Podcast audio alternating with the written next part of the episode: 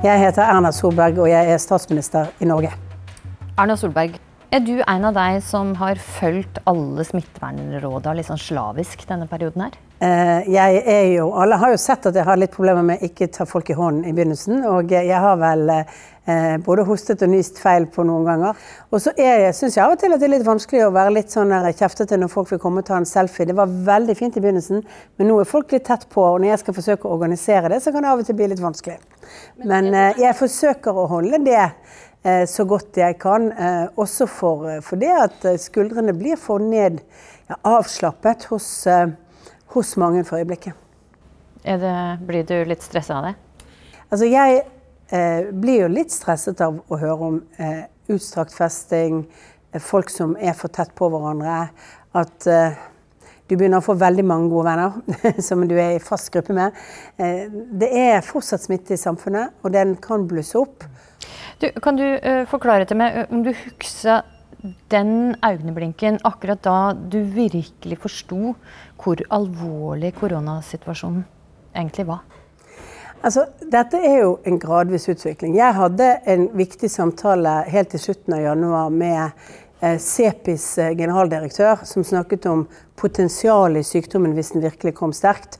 Eh, da forsto jeg jo kanskje hvor sterkt potensialet i denne smitten var for å, at mange kunne bli syke, selv om det var de eldste som var mest utsatt.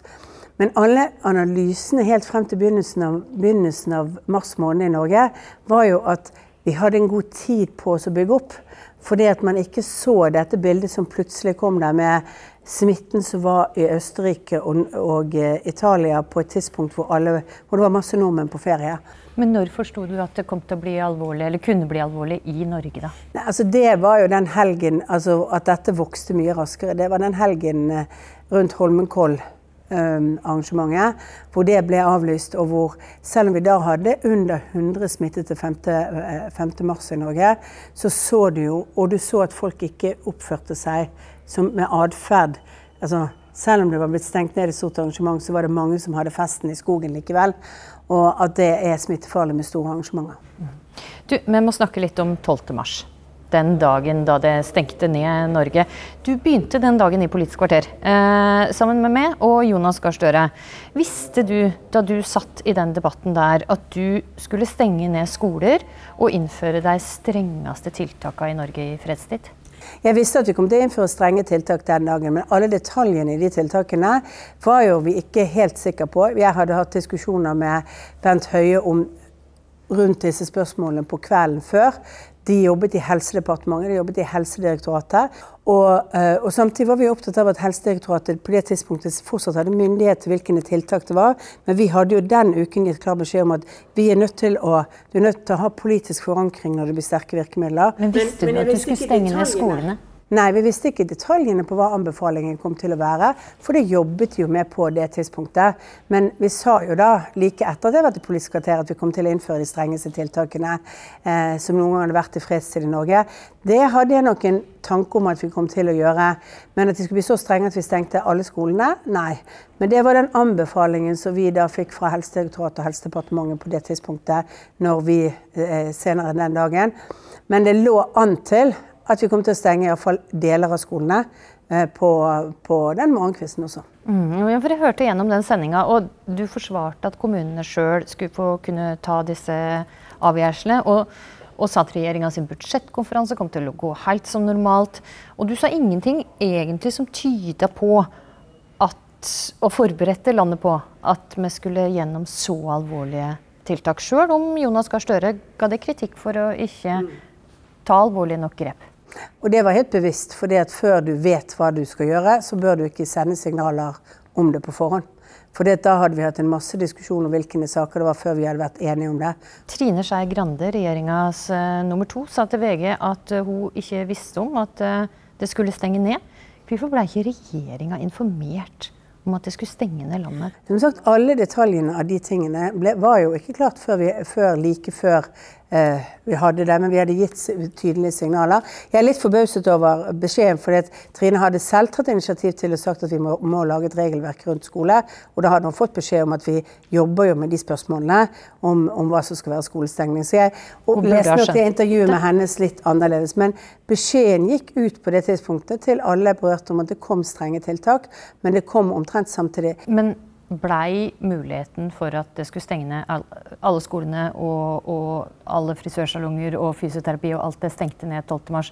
Blei alt dette drøfta i regjering? Nei, det ble det ikke. fordi at regjeringen hadde gitt fullmaktene til Helsedirektoratet for å bestemme etter helseloven. Det har vi sagt hele tiden. Det er Helsedirektoratet som fastsetter den forskriften. Men det er ganske mange av oss som var med på den diskusjonen om hvordan vi skulle, og hvilken ryggdekning de hadde. Men i hovedsak var det meg og Bent Høie som hadde, eh, hadde ansvaret for den politiske klareringen av disse sakene. Men ikke da regjeringas nummer to, og så sier du at du er forbausa over at to nå i ettertid går ut og sier at hun visste ikke? Altså, Uh, jo, vi visste jo at hun var enig i dette, fordi hun hadde signalisert det samme behovet på forhånd. Og Det er derfor jeg sier at det ikke er et stort poeng at hun ikke hun, Men alle fikk jo beskjed om dette eh, fortløpende når vi holdt på med dette. Men de fikk jo beskjed omtrent samtidig som pressekonferansen gikk. FHI eh, og direktør Camilla Stoltenberg var ikke med på det møtet der den faktiske avgjørelsen om å stenge Norge ble tatt. Hun sier også til VG at hun mener det var feil at en bestemmer seg for tiltak uten at FHI eh, kunne komme med innspill. Var det, var det tabbe? Altså, Helsedirektoratet hadde på det tidspunktet fått myndigheten til å skulle fastsette eh, de tiltakene som var. Og så hadde de veldig tett dialog mot Helsedepartementet for at vi skulle koordinere det, og de hadde det mot meg. Og og så er jo en diskusjon mellom Folkehelseinstituttet og Helsedirektoratet. Men det er jo ingen tvil om at Helsedirektoratet hadde fullmakten. Det er de som faktisk fatter det vedtaket eh, gjennom forskriften, og at de har ryggdekning fra politiske myndigheter. Men det virka så underlig at ikke Folkehelseinstituttet, som har smittevernansvar, var med på det. Men, men Folkehelseinstituttet er ikke med på beslutninger. Folkehelseinstituttet er rådgiver til de som har fattet beslutninger. Folkehelseinstituttet har ingen beslutningsmyndighet i denne sammenhengen. De gir de råd. Rådgiver. Ja, de og fikk råd. ikke gitt råd da til men vet du vi hadde, så, vi hadde et høyt tempo, viktig å gjøre. Smitten spredte seg. Var opp, vi var opptatt av å fatte beslutninger raskt, og vi var veldig tydelige at alle beslutningene hadde vi ikke nødvendigvis 100% sikkerhet rundt om var riktige, om det var nok, eller om det, om det var for lite, eller det var for mye. Vi sa at dette var både et eksperiment, at vi ikke visste sikkert hvordan vi skulle håndtere det, for vi hadde for lite kunnskap og grunnlag. Men i ettertid ser du at prosessen burde vært bedre, kunne vært bedre? Ehm, jeg tenker at i, i, når, det, når, ting skjer veldig raskt, så blir det andre beslutninger enn det som er de perfekte beslutningene. I denne situasjonen utviklet uh, smitten seg raskt. Det var i løpet av de siste dagene før, før 12.3 at smitten begynte å spre seg uten at du kunne spore hvor smitten kom fra. Det var det tidspunktet vi måtte gjøre større tiltak. Og jeg mener at det var helt riktig at vi gjorde det. Og vi gjorde det med det ansvaret vi har innenfor lov og regelverk, med de, de som har det ansvaret. Men altså for meg, bare for å si sånn, jeg syns at dette blir en sånn litt rar diskusjon. For alle som var i den situasjonen der, så hvor fort ting spredde seg. Frykten folk hadde, reaksjonen i det norske folk. Da er hurtighet i beslutninger viktigere enn at alle små detaljer og alle små høringsprosesser går sånn som de skal. Eh, det er kanskje noe av det aller viktigste erfaringen vi har i Norge nå. Vi startet med nedstengningen tidlig og har fått gode resultater fordi smitten ikke hadde spredd seg så mye. Men Du virka på meg som en person som er trygg og rolig. Men når du da står der og iverksetter de tiltakene som du gjorde, du, var du stressa, eller følte du at du hadde den kontrollen du kunne ha? Jeg følte at jeg hadde gjort den riktige beslutningen, den riktige vurderingen i en vanskelig situasjon, med den store graden av usikkerhet som er rundt alt det som skjer. Eh, og det var vi veldig opptatt av å formidle også, den store usikkerheten som er rundt både sykdommen, viruset og de tiltakene vi iverksetter. Jeg var egentlig litt ute etter den, den, følelsen det må være å ta en så alvorlig beslutning for så mange mennesker. Hvordan, hvordan hadde du det da du tok den beslutningen? Nei, altså Jeg er ganske rolig på det. At, altså, Du lytter, og så vet du Jeg var i det moduset da at jeg visste at vi var nødt til å fatte en beslutning. Vi var nødt til å ta et momentumskifte. Vi var nødt til å gjøre en endring. Og så var jeg veldig opptatt av at vi skulle være åpne og ærlige rundt alle menn så visst, så frem til fall. Altså alle, det er alt det vi ikke visste alt det som var usikkerhetselementene i dette. Fordi jeg tror det var veldig feil å fremstå som skråsikker på det man gjorde, for det var det ingen av oss som var. Men akkurat da er jeg ganske rolig i et sånt beslutningstidspunkt, for jeg, visste, jeg var, overbevist på den dagen at vi var nødt til å gjøre mye sterkere tiltak. Da du sto på det podiet, uh, var du trygg på at folk faktisk kom til å følge de tiltakene som det iverksatte? Eller var du redd for at folk skulle synes det var for inngripende? Jeg hadde jo egentlig i de dagene før fått en veldig tydelig opplevelse av at folk syntes at vi burde innføre strengere tiltak i Norge. At mange var begynt å bli ganske redde. Eh, jeg har ganske mange kontakter og ganske mange samtaler. Og, eh, så jeg hadde en ganske stor forståelse av at mange kom til å synes at dette var helt riktig. Og Meningsmålingene viste jo at 90% mente at det var helt riktig. Eh, og de flesteparten av de som var uenige med regjeringen, ville ha strengere tiltak i uken etterpå.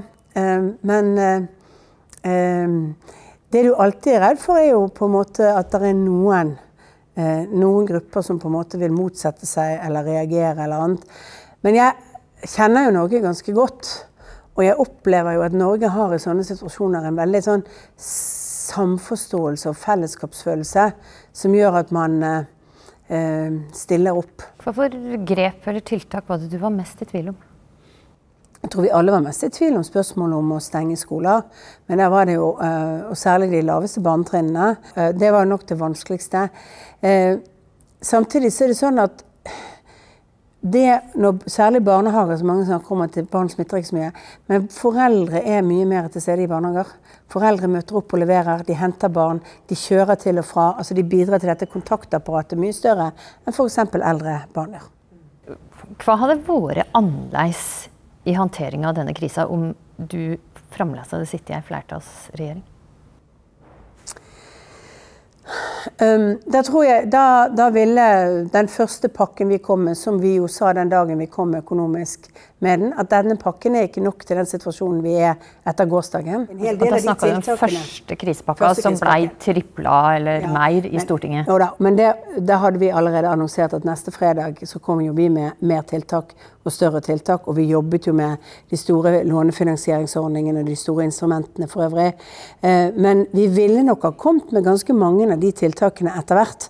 Eh, ikke alle nødvendigvis, fordi at noen av de kom nok fordi at det var kryssende flertall. og du får den, så får jeg den holdningen i Stortinget. Men jeg tror likevel at vi hadde vært opptatt av å ha bred samling rundt tiltakene. Mange av de tiltakene er ganske naturlige. Ville det vært billigere for staten om du hadde leda en flertallsregjering? Det vet jeg ikke. Og så blir det litt sånn så vidt så frem til fall. Du må ta den verden sånn som den er, og så må du håndtere og gjøre det beste ut av det. Men når krisepakkene blei så mye dyrere enn det det la opp til, framstår ikke da regjeringa som svak? Nå er den jo blitt billigere på mange områder, da, fordi at worst case-scenarioene ikke har slått til. Man har ikke lånt så mye, man har ikke så mye risikolånene, ikke så mye kontantstøtten. Eh, og så er det mye utsettelser av innbetalinger som gjør det. Eh, så nei, jeg, jeg syns det er veldig sånn det er veldig sånn testosteronpolitikk, som jeg kaller det. Liksom, hvis regjeringen er åpen for endringer, hvis regjeringen gjør noe sånt, så er ikke regjeringen sterk nok. Tvert imot, jeg mener det styrker i å lytte til andre, være med i diskusjonene og se at vi faktisk i denne situasjonen trenger å ha et uh, bredt perspektiv på ting. Men du har ikke vært enig i alle de vedtakene som har blitt fatta i Stortinget. Var det noen tidspunkt du vurderte å sette hardt mot hardt? Nei. Det er ikke noen grunn til det i denne situasjonen. For det er ingenting av disse tingene som har vært, vært vanskelig for regjeringen, som har vært, uh, vært vedtatt. Men samla sett blir det dyrt? Samlet sett så blir det dyrt. Men på den andre siden så skal vi huske at det å ivareta vekstevnen vår nå, og at vi ikke mister bedrifter i denne situasjonen, det er faktisk en ekstremt viktig eh, investering for fremtiden. Man skal passe for å si at det ble veldig mye penger. Altså I denne perioden så har jo også Finansdepartementet sagt at dere må faktisk spare på. For det at, eh, for det, at eh, det er viktig å motvirke en nedadgående spiral for norsk økonomi. Når tror du verden er på plass igjen? Jeg håper at verden er på plass igjen neste vår. Jeg håper at vi har en vaksine som kan begynne å vaksinere de mest eh, utsatte gruppene i alle land i verden. Eh, når vi får det, så blir det lettere å ha eh, business as usual, selv om ikke alle er vaksinert. For da vil det, de som står i fare for å bli rammet, være de som tåler en sykdom. Ikke de som eh, ikke tåler den eller blir alv veldig alvorlig syk. Takk, Erna Solberg, og god sommer.